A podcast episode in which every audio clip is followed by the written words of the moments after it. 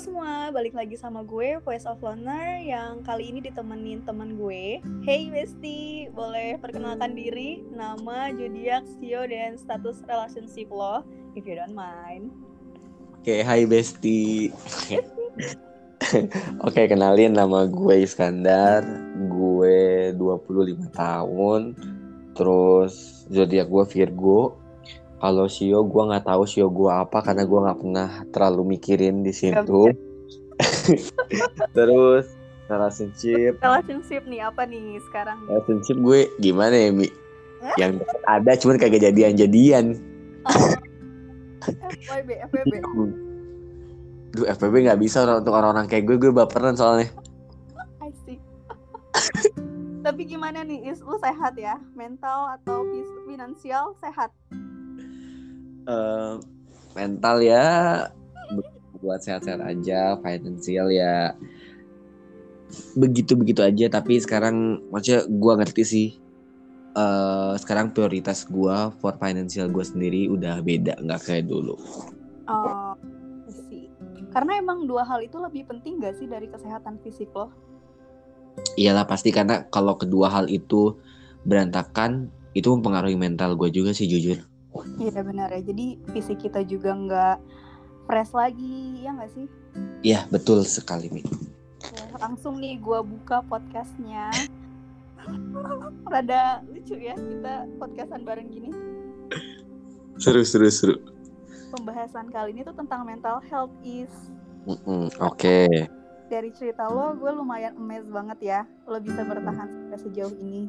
Gue juga juga kan bilang sama lo kalau lo tuh hebat udah ada di titik ini. Kalau pendapat lo tentang mental health gimana is? Hmm, pendapat gue tentang mental health gimana ya? Karena gue sudah mengalami di fase itu dan gue ngerasa mental health itu bener-bener penting sih. Hmm. Karena ya gue sendiri, gue jujur orangnya bu, eh, jujur bukan mempunyai eh, tipikal orang yang nggak punya mental yang kuat kayak orang-orang mungkin. Ah, I see. Jujur. heeh. Dan itu yang ngebuat gue kayak ada yang nggak beres nih dalam diri gue.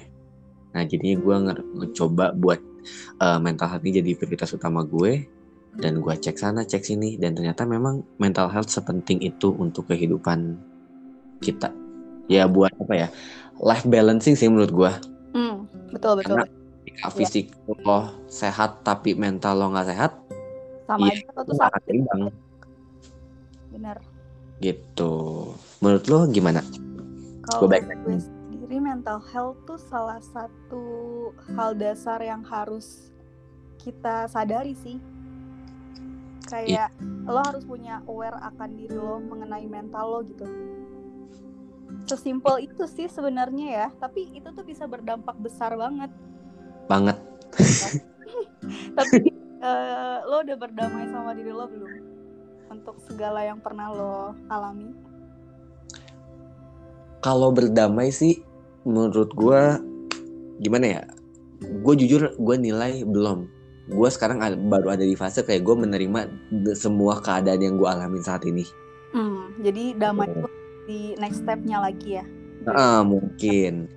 Tapi ya sejauh ini alhamdulillah sih gue selalu mencoba untuk kayak ya baik-baik aja karena emang gue ngerasa kayak ya memang harus diterima karena kalau gue denial akan semua kejadian yang udah nimpa gue selama ini ya jatuhnya akan memberatkan ke diri gue lagi Hmm. jadi udah gue terimain aja dulu baru gue bisa berpikir jadi gue harus seperti apa dan gue harus bertindak ngapain gitu Oh, get it. Nah, kalau lo nggak keberatan nih, boleh diceritain dikit is di podcast ini tentang illness yang pernah lo lewatin. Kalau jatuhnya gue malah ya, flashback ke masa lalu nih Iya, gak ngebuka Nah, luka-luka masa lalu.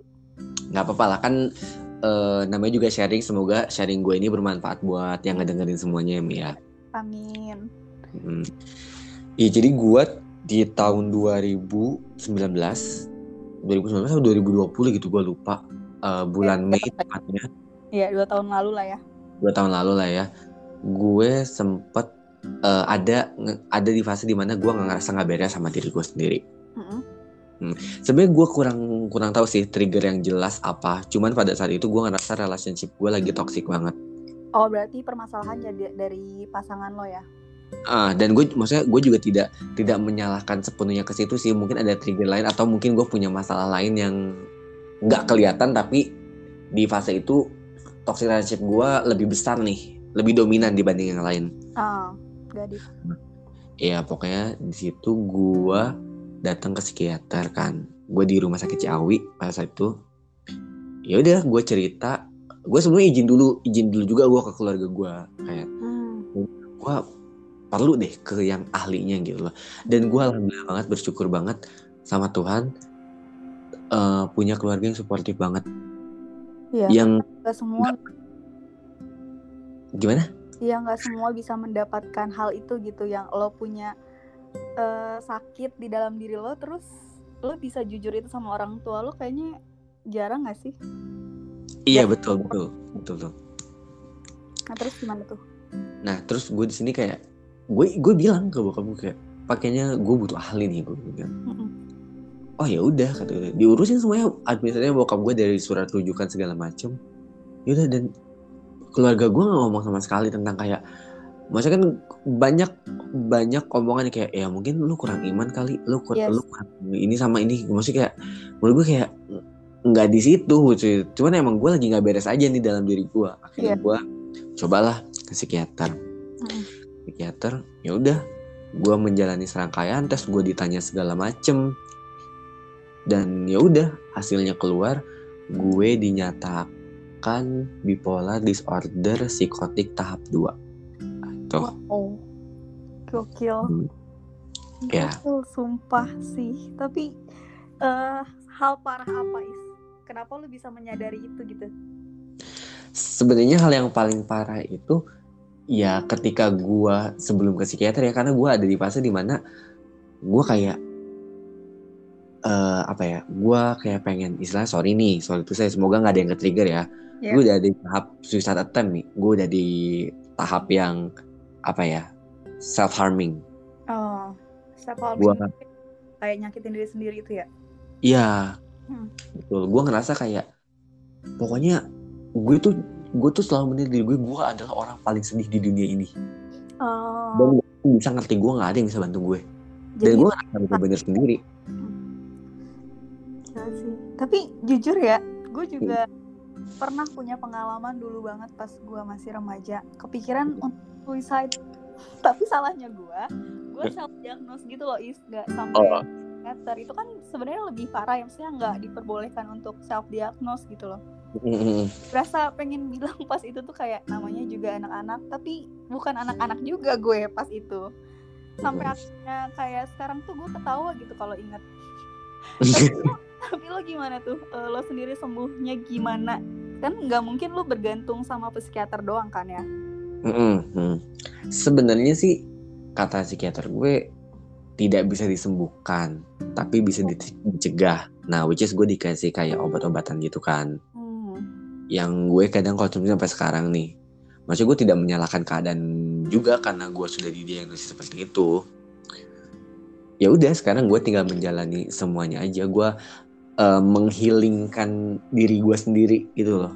Dengan mungkin main sama teman-teman atau ya gue nonton YouTube atau dengerin apa sih dengerin eh, biasanya tuh gue kalau susah tidur gue kadang suka denger-dengar kayak instrumen-instrumen piano atau Oh. kayak instrumen-instrumen air yang bikin gue tenang gitu loh. Jadi biar mengalihkan gue ke hal-hal yang gak bikin gue ke-trigger buat ke arah sana lagi. ah iya iya dan Tuh. lo juga pernah bilang kan lo tuh suka travel jadi itu salah Mm. ya Travelnya agak gabut sih sebenarnya tuh agak gabut. ah, itu nanti mungkin di next episode ya bisa diceritain Iya iya. aduh tapi emang ya kayak eh, kita tetap bisa doing our life daily life gitu loh even though kita punya mental illness tapi yang gua pahami ya kayak semua orang tuh cuman nyoba buat baik-baik aja dalam hidup tapi kalau misalnya lo punya permasalahan kalau lo punya permasalahan nih lo tetap jalanin rutinitas atau sampai kayak yang gak masuk kerja kayak lo bener-bener gak ada semangat gitu buat ngelakuin apa-apa lo yang kayak gimana tuh Oh gue gue tuh apa ya kalau malas kerja sih kayaknya semua orang pernah deh. Iya gak sih? Tapi sampai nggak masuk kerja gitu. Oh, kalau sampai nggak masuk kerja, gue sejauh ini ya di tempat kerja gue yang sekarang, gue kayaknya nggak pernah sih. Enggak ya? Nah, tapi maksudnya mungkin di tempat kerja yang gue sekarang, gue seneng ketemu orang baru. Ah, Jadi pertama nih ketika gue belum mulai on shift, gue kayak kok gue males ya ini ini segala macam. Tapi ketika gue on shift, ketika gue ketemu customer, ketika gue nyapa mereka, gue nggak tahu kenapa di situ kayak oh oke ini waktunya gue kerja nih dan gue kayak ngelupain masalah itu dulu mi dan bener-bener work sih sampai sekarang. Oh, berarti lu udah ini ya mendapatkan tempat yang sesuai dengan passion lu nggak sih bisa dibilang ya interaksi sama customer gitu loh.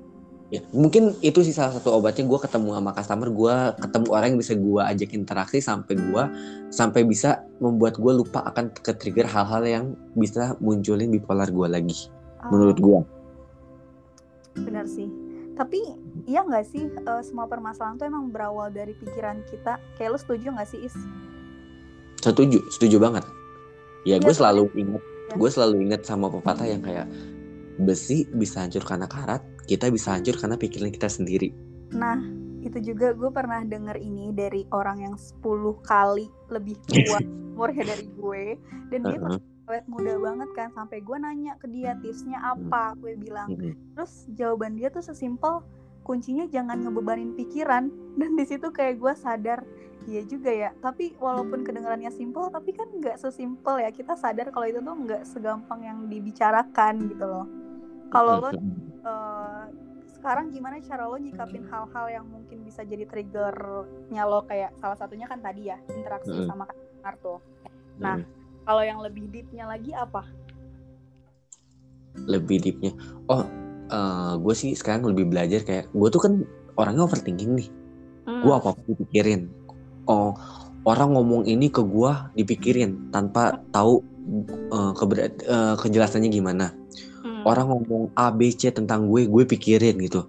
Padahal sebenarnya ya itu terkadang kita harus bersikap bodoh amat akan hal kayak gitu tau nggak?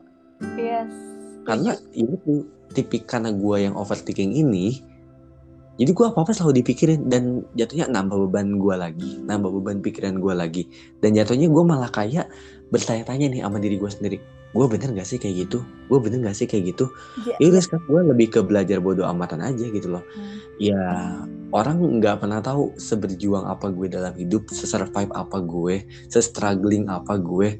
Tapi kalau emang nyatanya orang cuma bisa ngelihat dari satu sisi ya gue juga nggak punya waktu buat ngejelasin ke mereka apa yang gue alami saat ini gitu loh. klarifikasi gitu ya. Iya betul. Karena gue juga terlalu buang waktu kalau gue mau klarifikasi apa yang terjadi dari A sampai Z gitu loh. Yes benar-benar benar Ber- jadi ya gue kayak lebih ke ya udah bodo amat gitu loh. Ya berarti banyak juga ya teman-teman lo yang ya secara tanpa sengaja mungkin mereka kayak ganggu mental health lo.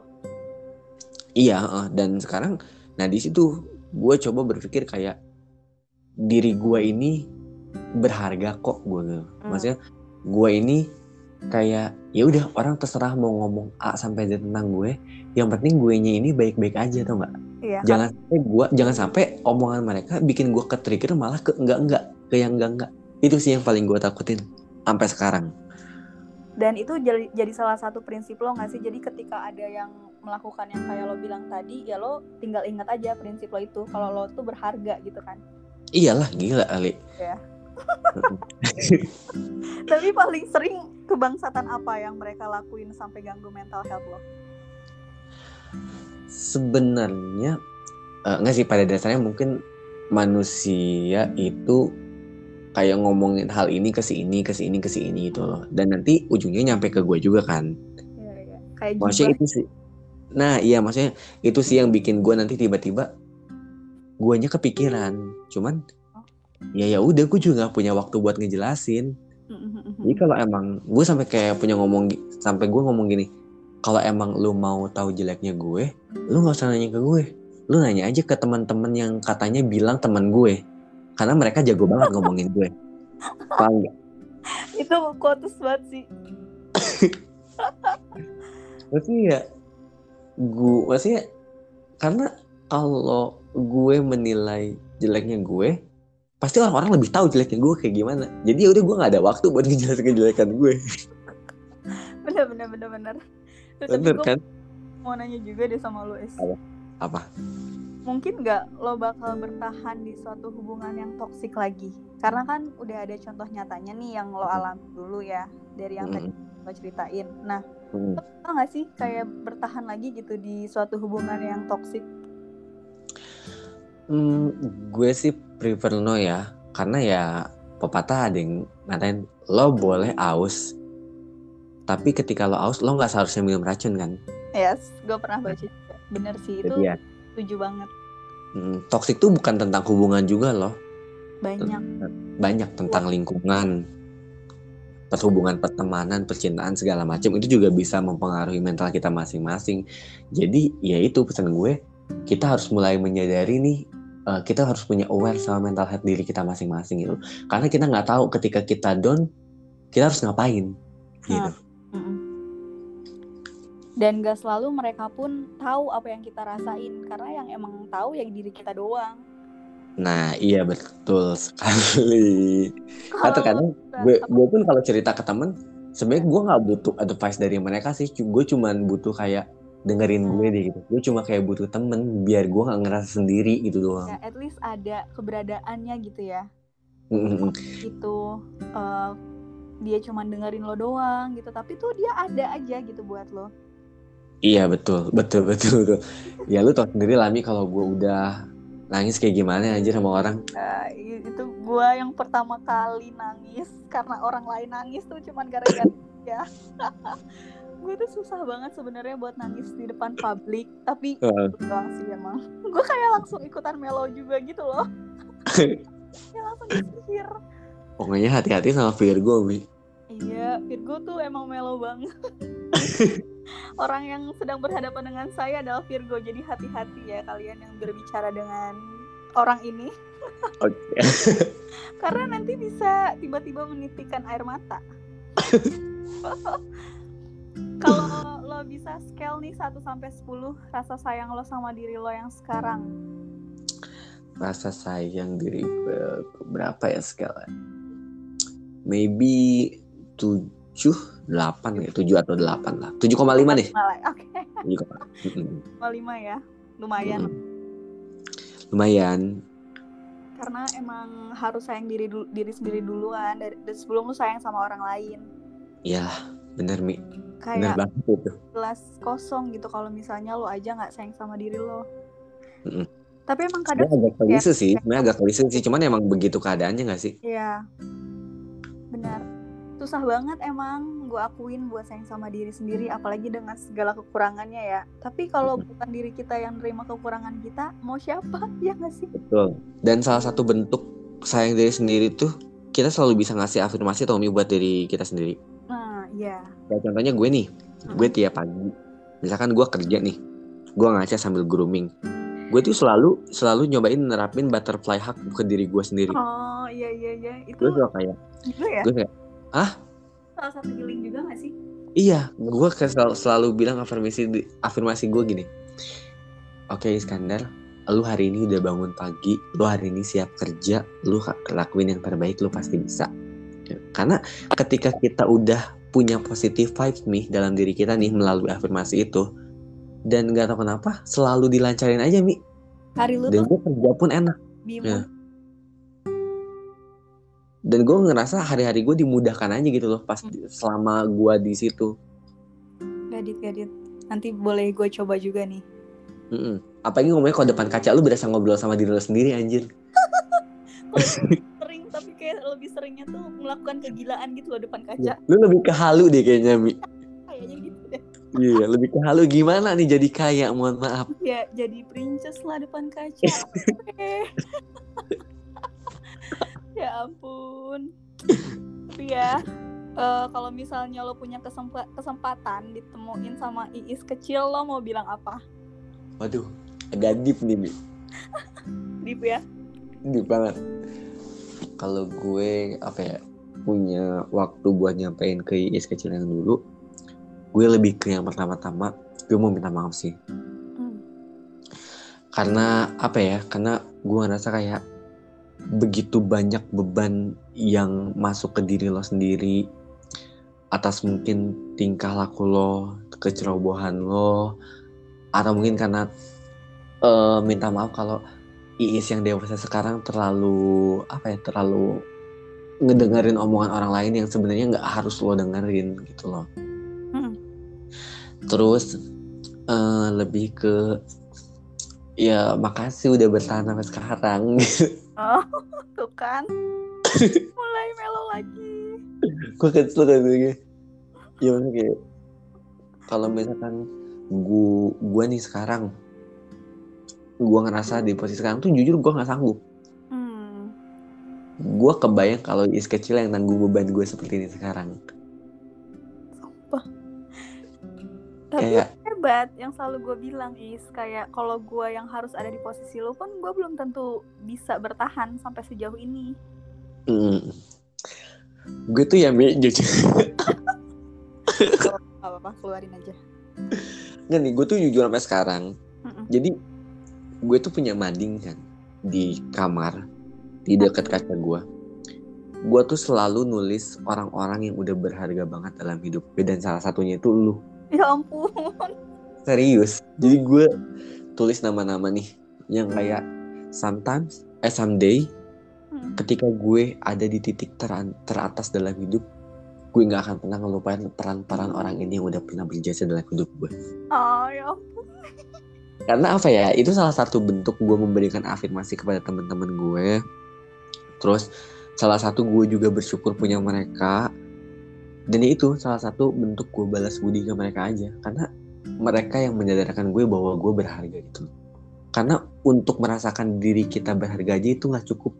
Uh, perlu bukannya berarti bukannya berarti kita hidup ini butuh pengakuan ya? Enggak cuman kayak terkadang motivasi dari teman-teman sekitar itu ngebantu banget Nah, nah makanya kita, terkadang kita punya support system. Nah itu dia support system gue.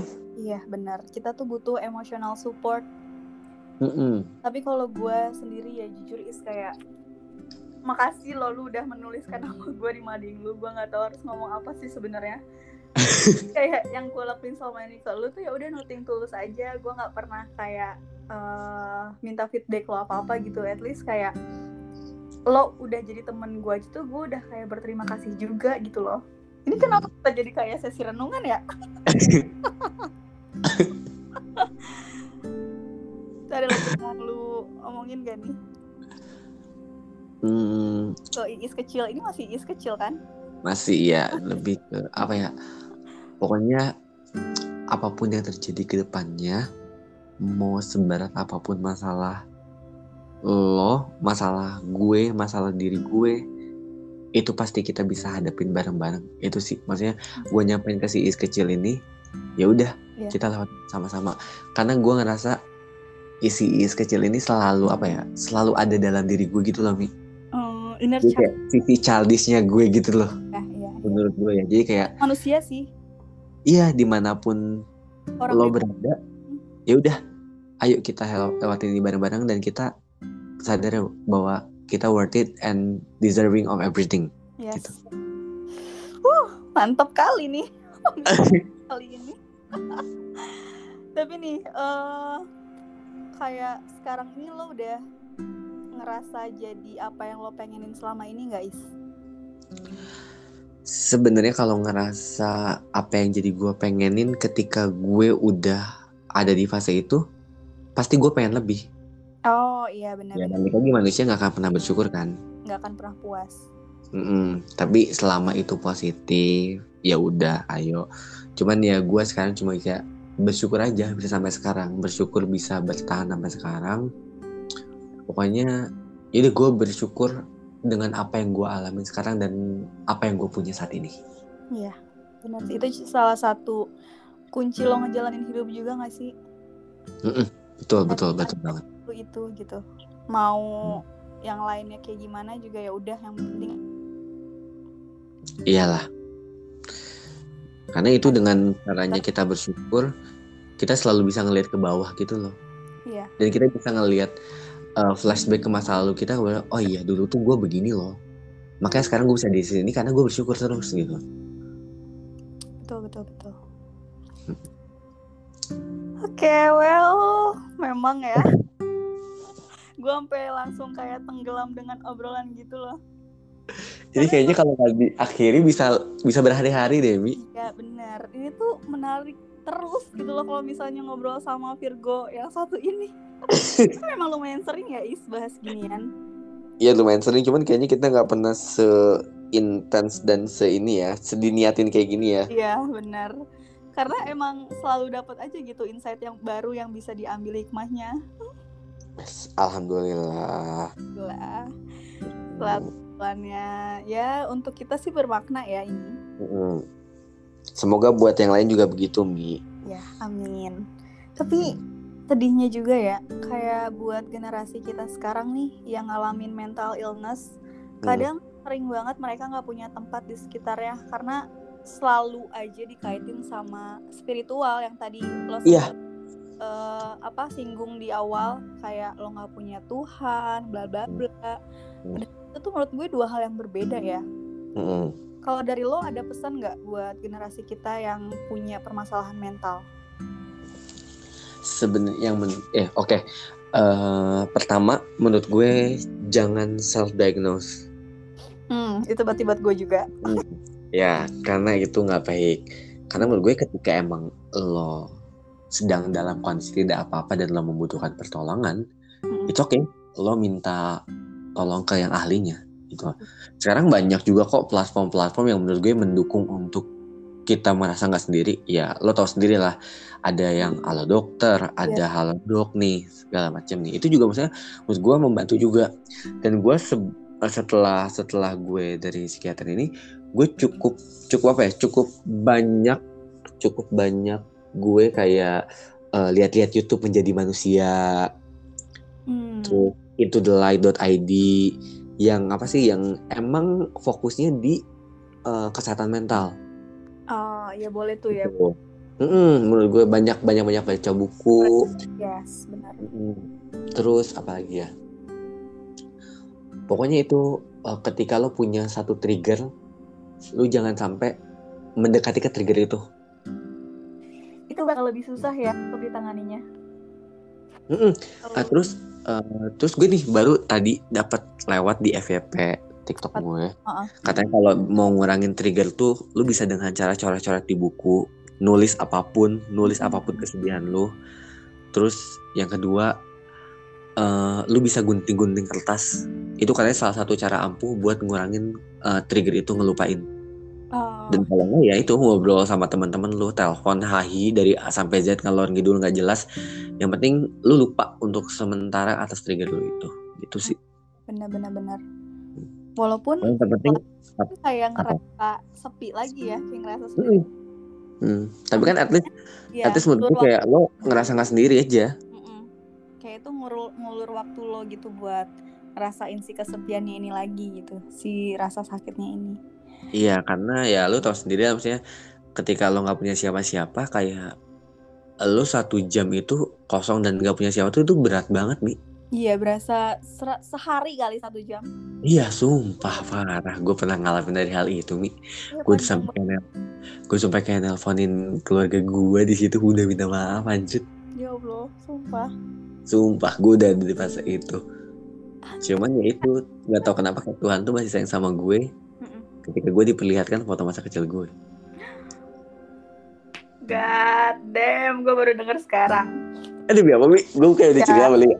Sumpah. Sebenarnya agak lebay sih, cuman kayaknya ya memang terkadang semesta sebercanda itu. Hmm, kita nggak pernah tahu apa yang besok bakal terjadi gitu dan kita bakal surprise aja gitu ya.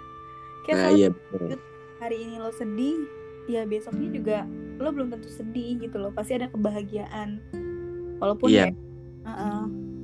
Karena Yes. lu cuma ngalamin fase di mana it's just a bad day, not a bad life. Lo Iya. nggak akan tahu hari-hari berikutnya akan seperti apa. betul. Gitu. Gue juga pengen nyampe ini buat lo semua yang ngerasa depresi itu tadi kayak yang Iis bilang jangan kayak gue self diagnose ya. yang mau gue omongin kayak mungkin terdengar biasa tapi kita coba deh mulai dari hal-hal kecil kayak bangun tidur dan bangun dan tidur di jam yang sama terus olahraga paling enggak ya lima menit. Hmm, nah ya kan? Hmm. Yang bikin lo bahagia deh di luar dari tuntutan yang ada gitu. Kayak lo lihat ke atas langit di situ nggak akan ada rasa sakit. Itu sih cara healing gue kayak gue ngeliat ke langit aja sebegitu indahnya dan kayak nggak ada rasa sakit di atas sana gitu.